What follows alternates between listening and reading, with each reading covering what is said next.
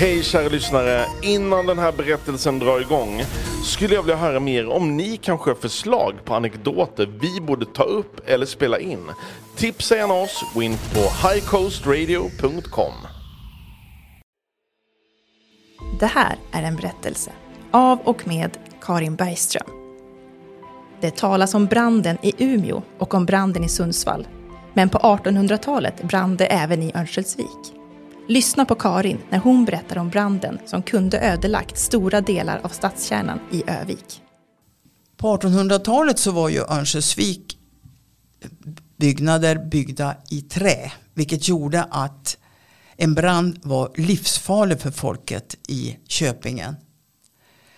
Johan Öberg hade på 1840-talet redan organiserat upp brandförsvaret så att det fanns eh, pumpar och pumphus. Det var hus som stod nere vid vattnet och där fanns det stegar och pumpar och hinkar och sådana saker.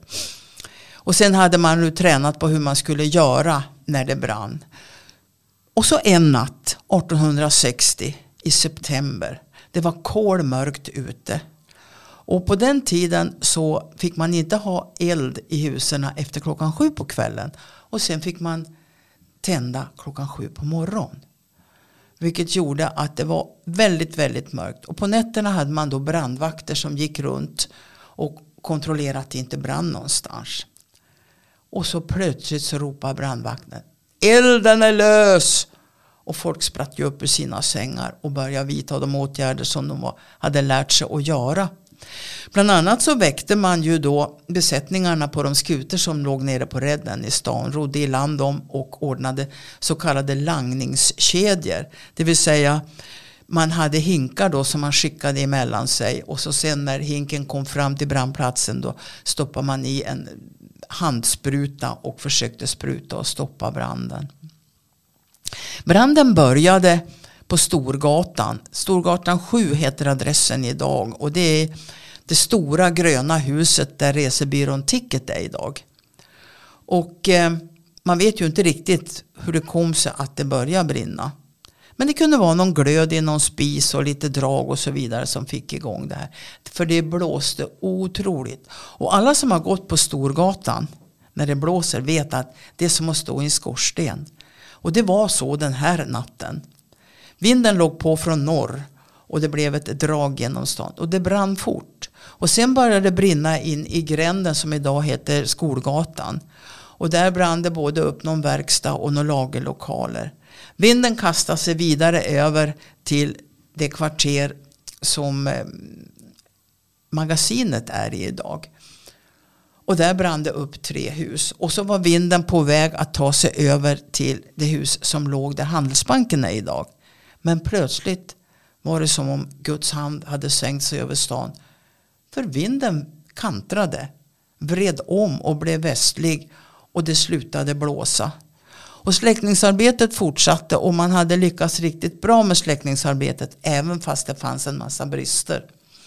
Men det som var problemet var ju då att det var så mycket som hade brunnit upp. En av Köpingens första invånare som hette Kull, hans hus hade brunnit upp. Skomakare Sävsten, den första invånaren i Örnsköldsvik, hans hus hade brunnit upp. Och eh, de flesta som hade fått husen uppbrunna hade haft råd att ha försäkringar. Så var det med Falgren.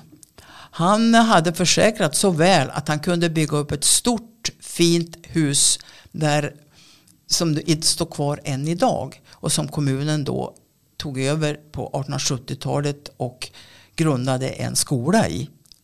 Likadant var det med kvarteret där magasinet ligger. Där kom det en bonde ifrån Stranne i Arnäs och han och hans kompanjon de byggde ett stort hus som skulle vara ett hyreshus.